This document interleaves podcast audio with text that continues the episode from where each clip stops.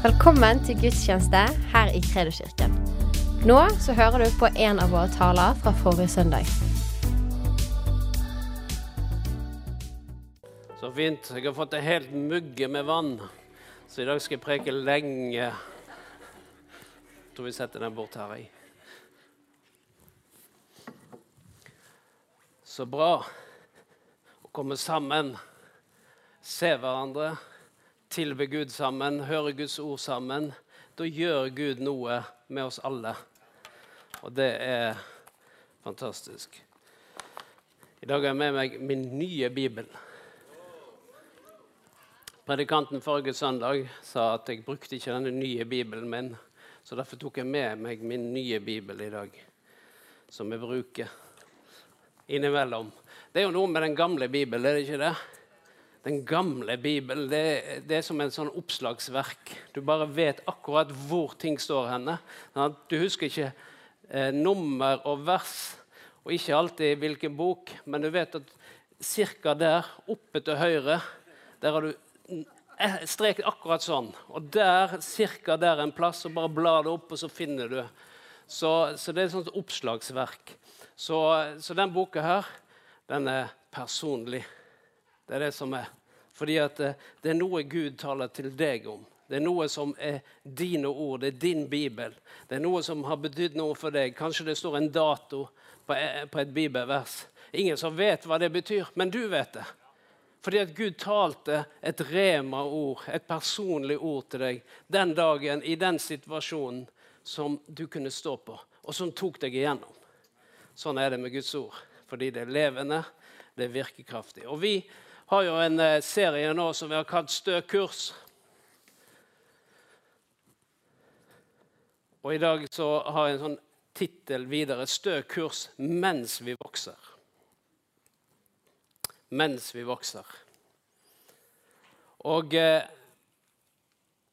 det er jo sånn at et nyfødt barn det har alle de biologiske egenskaper som skal til for å vokse selv om det er så lite. Det er ingen som tenker på det barnet, at du kommer ikke til å bli voksen. Du bare vet det. Og det barnet det anstrenger seg ikke for å vokse. Det bare spiser, tar næring, og så vokser det og vokser det inntil den alderen det har. Og så er det forskjellige stadier, fra spedbarn, barn til uh, ungdom, tenåring, ungdom og voksen. Det der er helt sånn naturlig at et barn vokser. Nå skal vi se hva Johannes sier. I 1. Johannes kapittel 2 kan du slå opp. 1. Johannes, det er langt bak. Kapittel 2.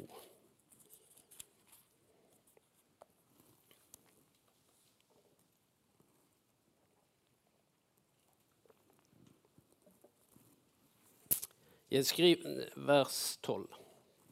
Jeg skriver til dere, barn, fordi syndene deres er tilgitt for Hans navns skyld. Jeg skriver til dere fedre fordi dere har lært å kjenne Ham som er fra begynnelsen.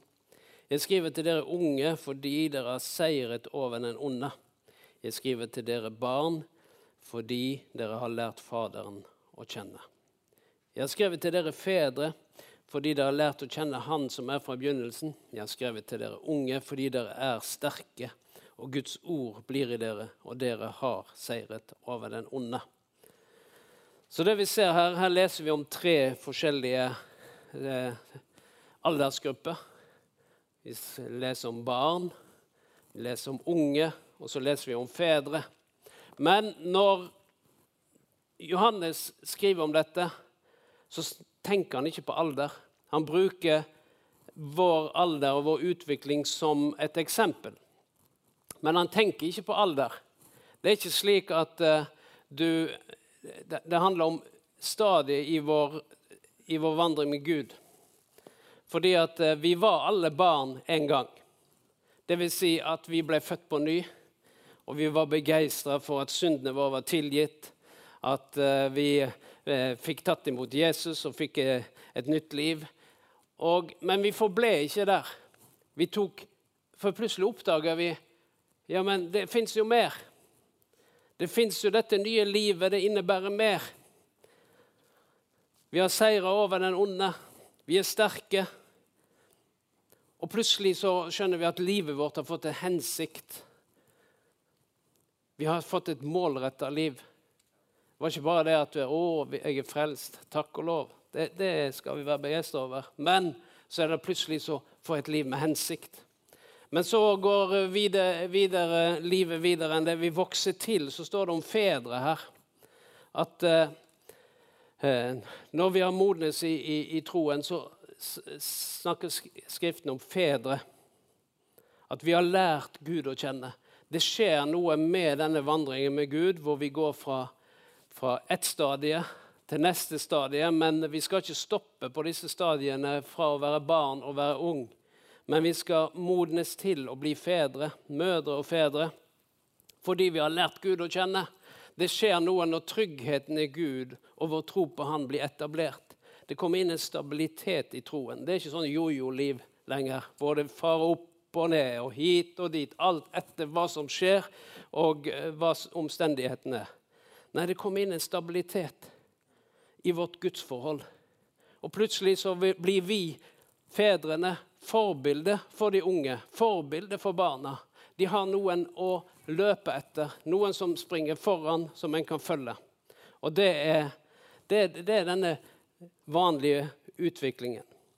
Og på samme måte som jeg begynte med, et barn, et lite barn har alle egenskaper i seg til å vokse, så er det slik at det nye livet vi har fått, har alle egenskaper i seg til å vokse og til å utvikle seg.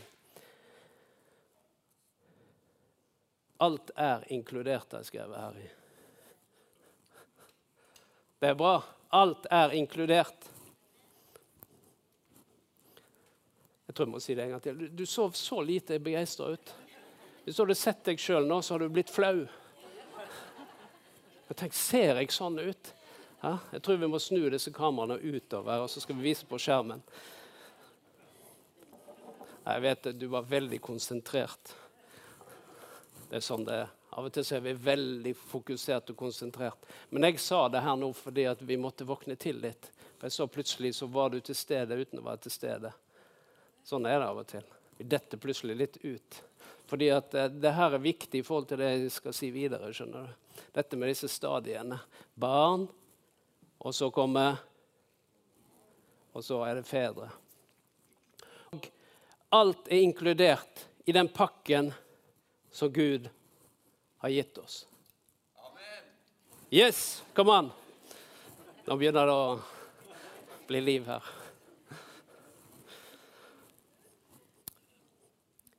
Hva er det jeg prøver å si?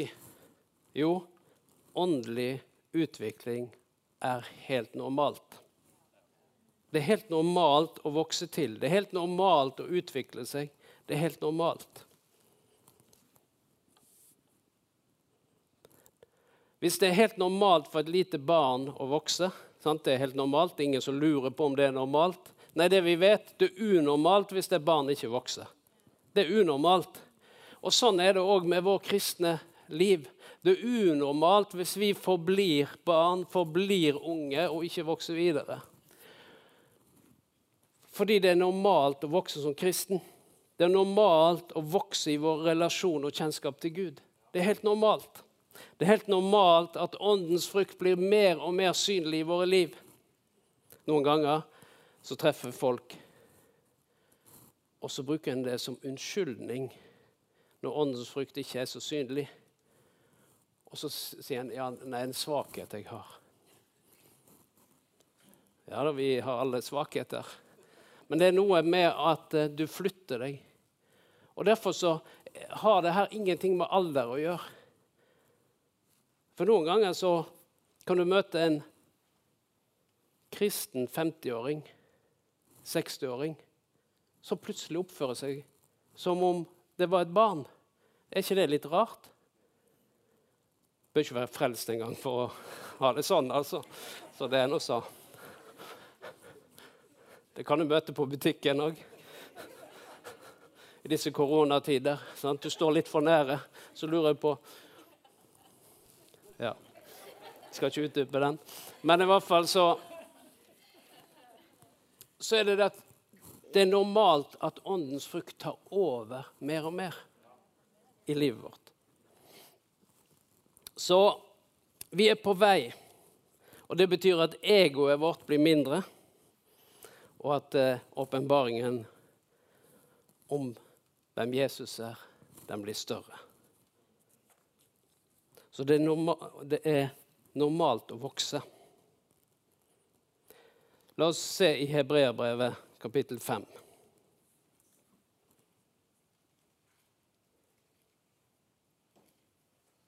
Vers 11 til 14. Om dette har vi mye å si, men det er vanskelig å forklare siden dere er blitt så likegyldige eller trege til å høre. Etter så lang tid burde dere selv være lærere, men trenger noen som på nytt kan lære dere de første og grunnleggende i Guds ord. Dere er blitt slike som trenger melk og ikke fast føde. For den som lever av melk, er et spedbarn og forstår seg ikke på budskapet om rettferdighet. Men fast føde er for de fullvoksne, de som ved å bruke sansene har øvd den opp til å skjelne mellom godt og ondt. I kapittel 6, vers 1 begynner slik.: Derfor skal vi nå gå videre fra de første vi lærte om Kristus, og fram til full modenhet. Så her igjen så forstår vi det at det er en utvikling.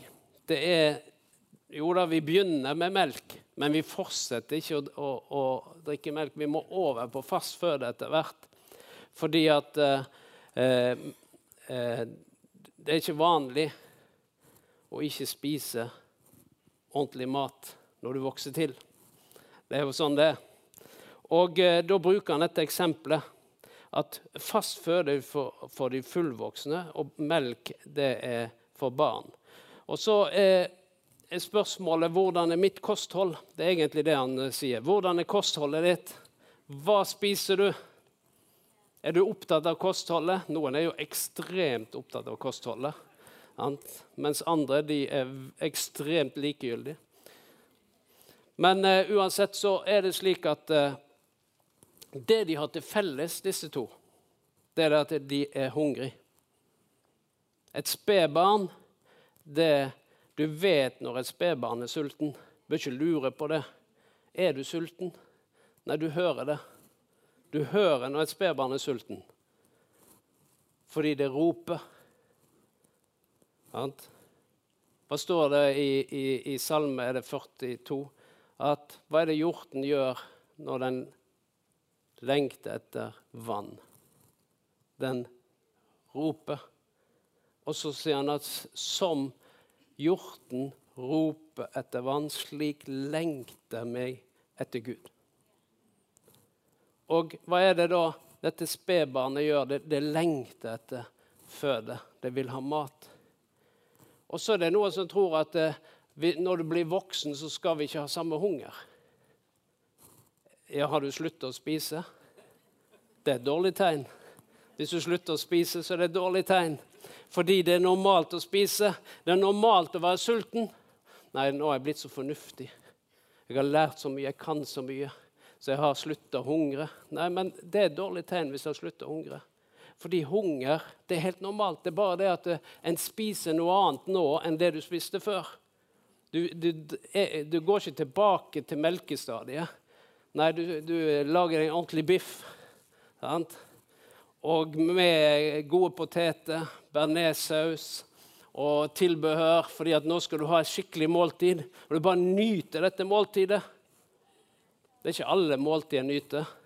Av og til så tar han en pølse med brød. Jeg skal innrømme det. Jeg gjør det av og til. En pølse med brød.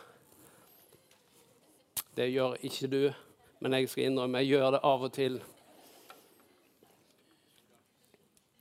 fordi jeg var sulten. Og der var det bensinstasjon, og jeg måtte ha noe mat. Og det er et eller annet med dette livet med Gud. Så er det slik at det er en hunger der hele tiden. Og denne hungeren har ingenting med om du er barn, ungdom eller voksen. Fordi den hungeren skal være der hele tiden.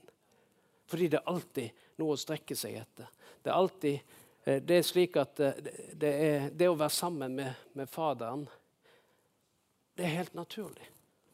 Og det er en del av veksten. Det er at vi ønsker å være sammen med vår skaper, med vår frelser. Fordi det er en relasjon. Og eh, så står det her videre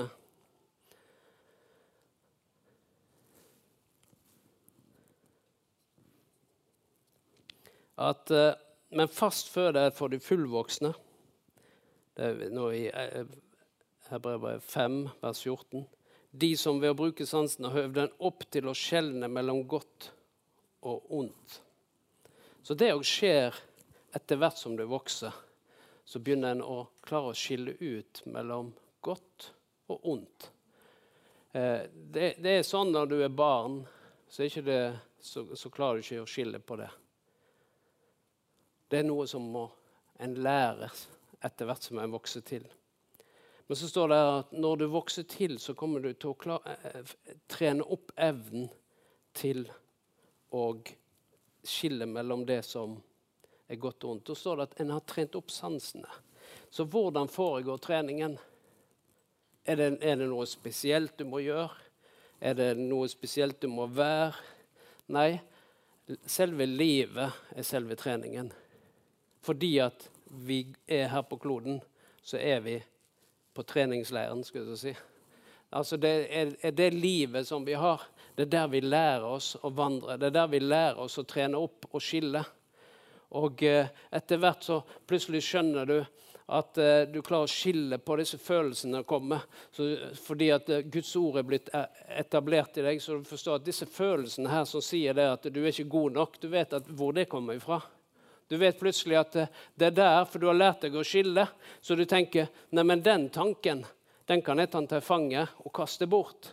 Fordi den tanken er ikke Guds tanke om meg. Det der er kommet fra en annet sted. Fordi du har lært deg opp å skille.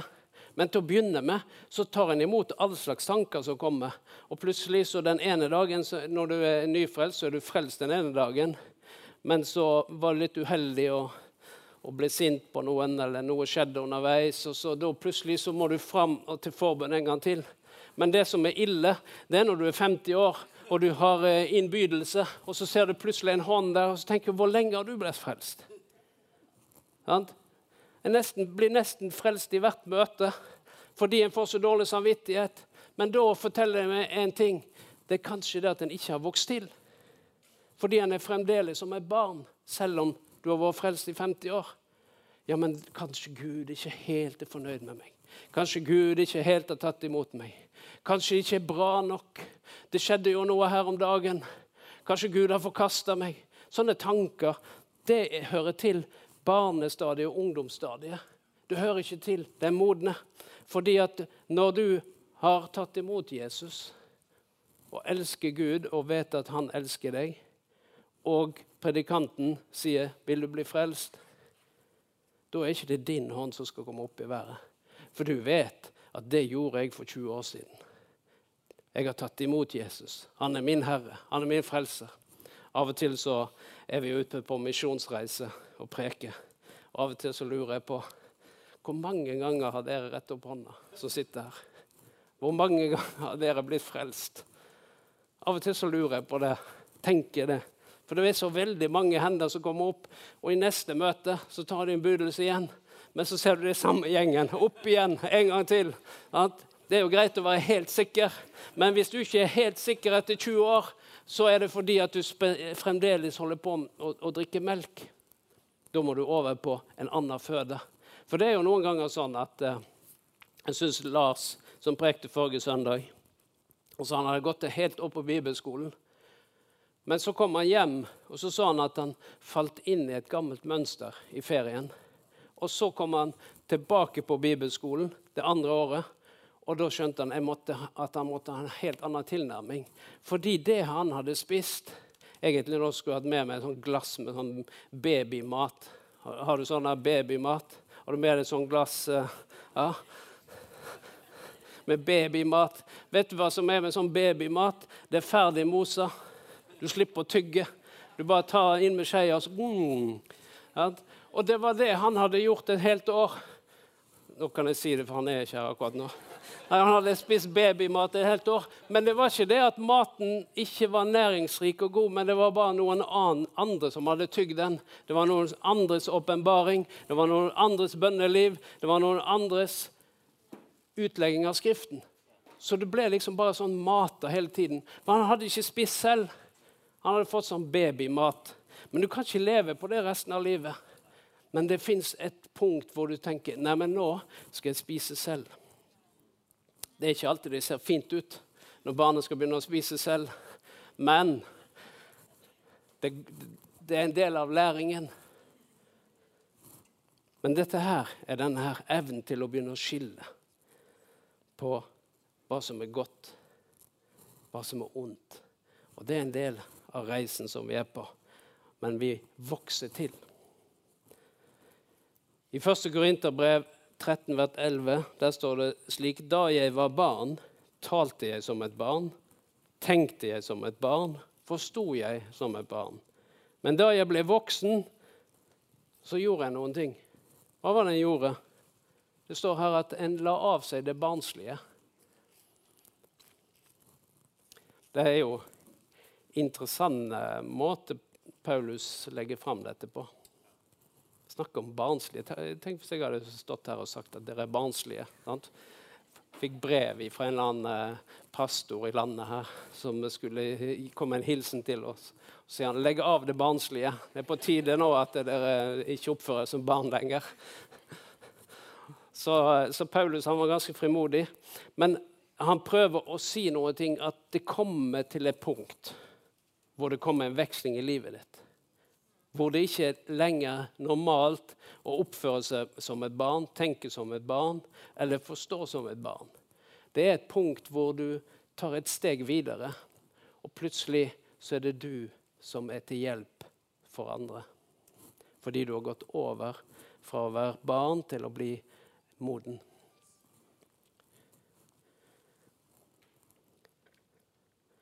Det som er med modenhet, det er at uh, det, det, er et tegn på et Kristussentrert liv. Så hvorfor er det viktig å være moden? Jo, fordi at denne modenheten det skap, gir tro og stabilitet i livet. Og som jeg sa, at uh, det å være moden har ikke noe med at en slutter å være sulten. Det har bare med at en har kommet til et punkt hvor en har fått en trygghet, en fred, og det er noe som er etablert i livet. Og plutselig så blir du eksempelet.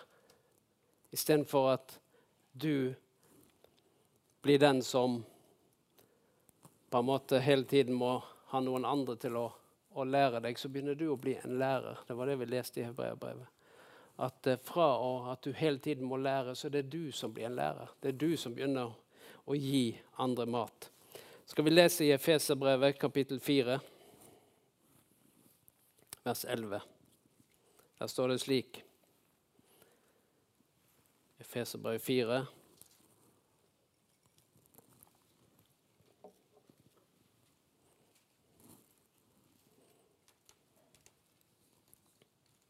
Og det var han som ga noen til å være apostler, noen til profeter, noen til evangelister, noen til hyrder, noen til lærere, for å utruste de hellige til tjeneste, så Kristi kropp bygges opp.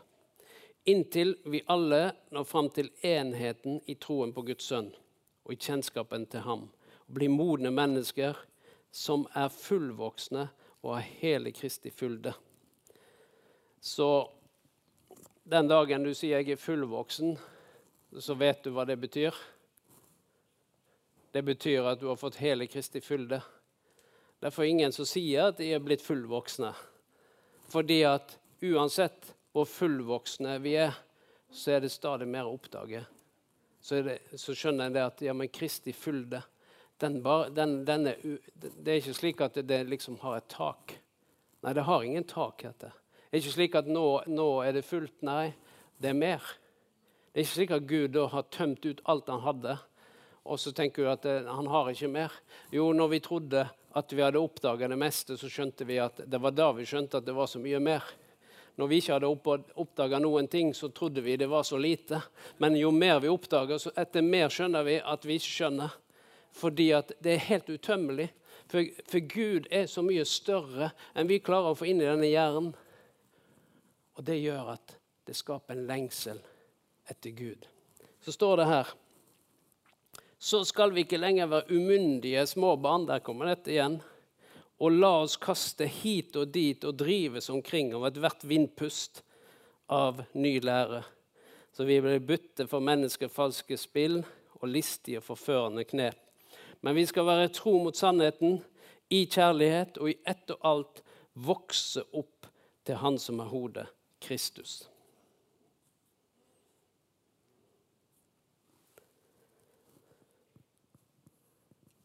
Når vi er barn, så lar vi med andre ord oss kaste hit og dit. Tvert vindpust Per Ove prekte her om stø kurs for uh, to uker siden. og Da hadde han bilde av denne uh, eh, store containerskipet i Suezkanalen. Fordi de lurte på hvordan kunne denne båten gå på grunn og sperre hele kanalen. Det var et vindpust. Et vindpust fra, fra ørkenen.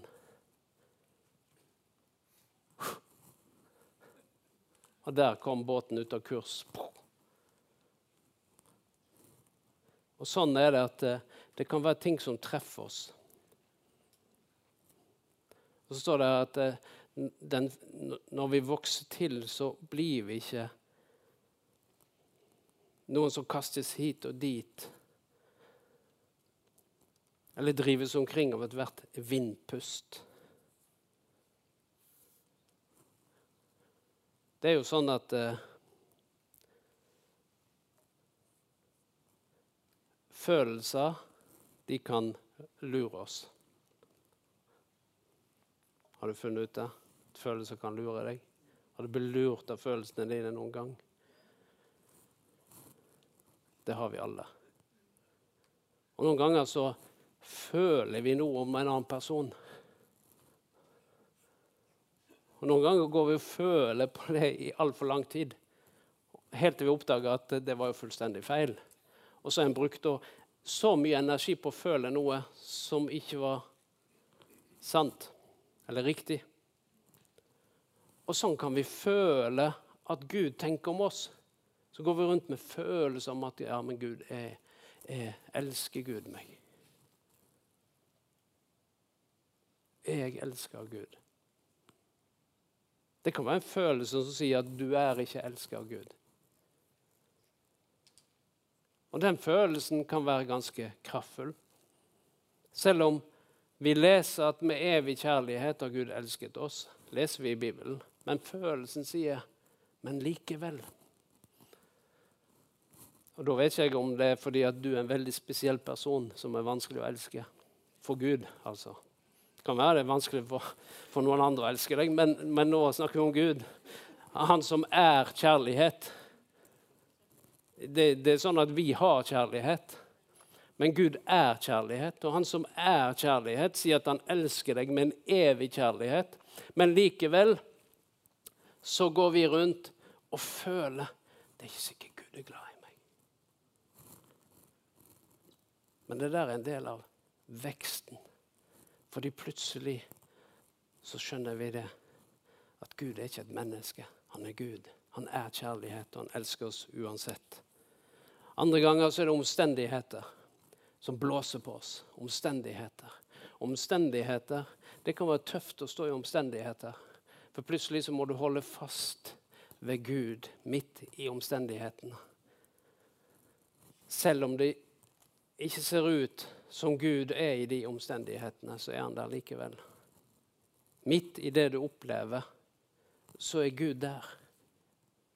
Det betyr ikke at det er han som har skapt omstendighetene, men han er for deg i de omstendighetene. Fordi Noen ganger så er det slik at omstendighetene er mer enn det vi kan bære. Hva er det da som skjer? Da kommer Gud inn i den omstendigheten for å styrke og bære deg gjennom omstendigheten. Det er ikke sikkert det er noe å gjøre med selve omstendigheten, men du kan komme igjennom og komme videre.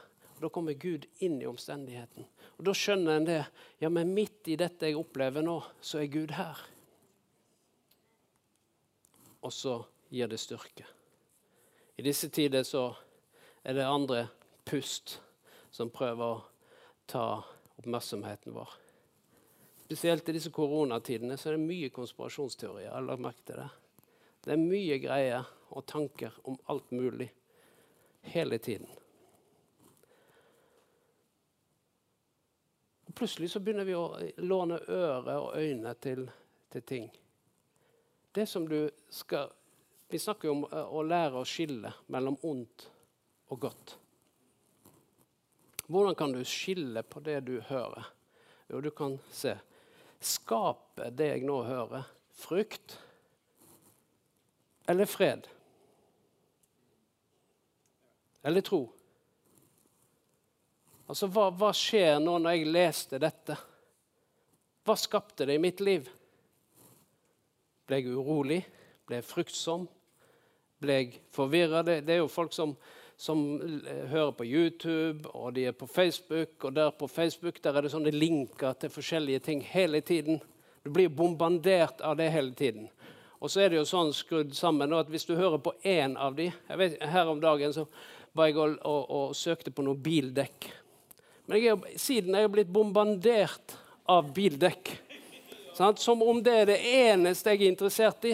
Det er bildekk.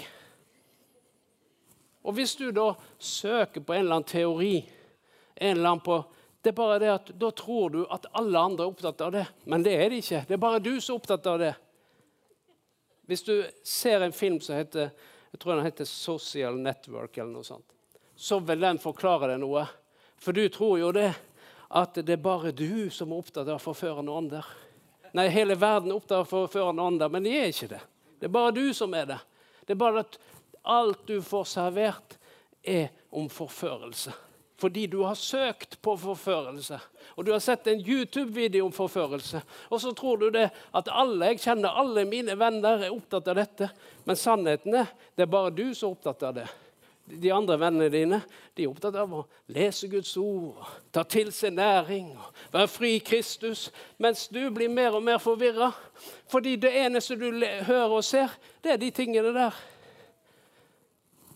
Derfor så er det det å lære å skille mellom ondt og godt. Mellom godt og ondt.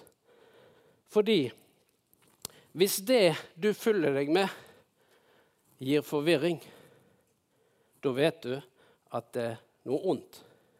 Hvis det du fyller deg med, gir tro og fred, da vet du at det er noe godt.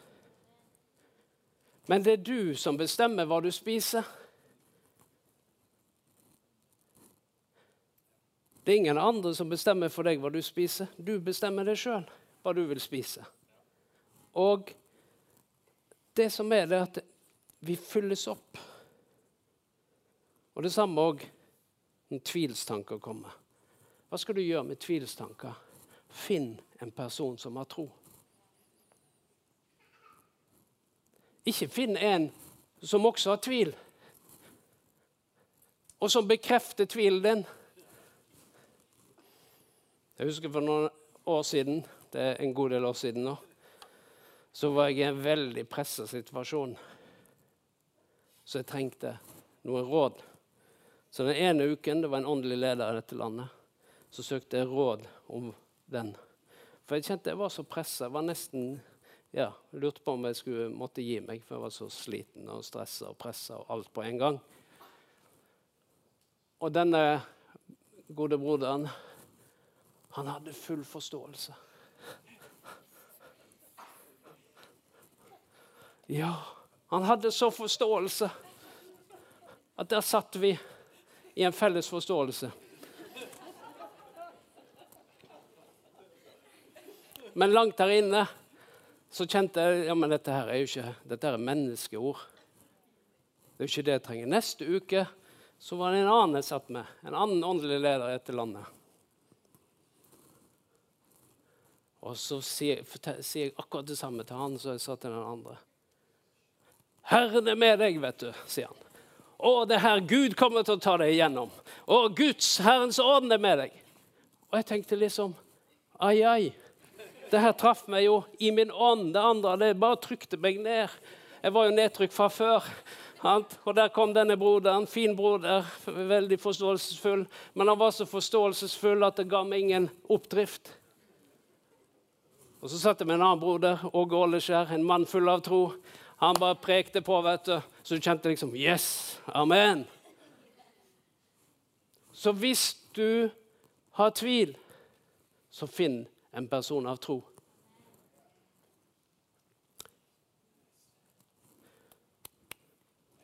Vi er på stø kurs, skjønner du. Og så skal jeg si deg en ting. Det er ikke anstrengende å vokse.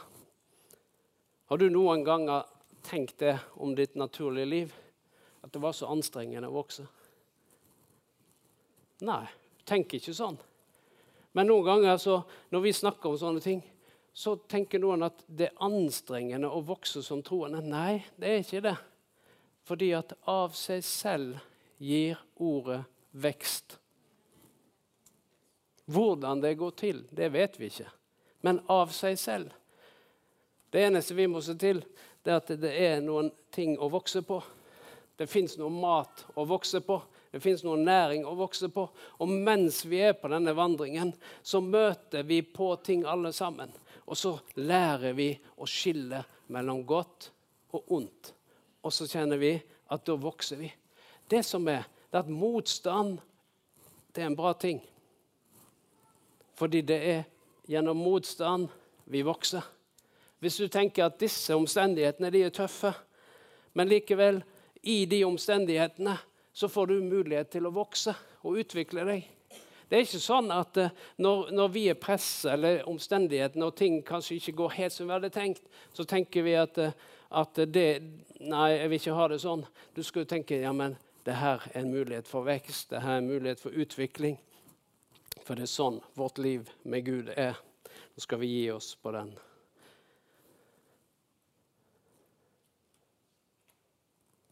Så er spørsmålet skal du da analysere er jeg et barn, er jeg en ung, eller er jeg en uh, fedre nå? Det du skal tenke, det er det at jeg skal vokse til Om du, hvor du er henne, ja, men da skal du bare tenke ja, men jeg skal vokse til. Jeg skal vokse til i mitt liv med Gud, i mitt vandring med Gud. Og så skal jeg bare hungre etter Han, lengte etter mer etter Han, skulle se hvordan denne veksten. Fordi hvordan ser du veksten? Ser du den framover? Nei, du ser den når du snur deg tilbake. Så ser du der hadde jeg en utfordring. Men den utfordringen, det ga meg vekst der, det jeg har gjort nå, les Guds ord gjennom alle disse Det var ikke sikkert du hadde så mye følelser mens du gjorde det, men når du ser det tilbake, så ser du at det har gitt meg næring og vekst. De bønnene som du ba, de har gitt meg vekst og utvikling. Så se det tilbake og se. Hva har skjedd i mitt liv? Skal du se. Da kommer du til å se et mønster av at du har vokst og utviklet deg. Tusen takk for at du lyttet. Følg oss gjerne på Instagram og Facebook, og så snakkes vi neste uke.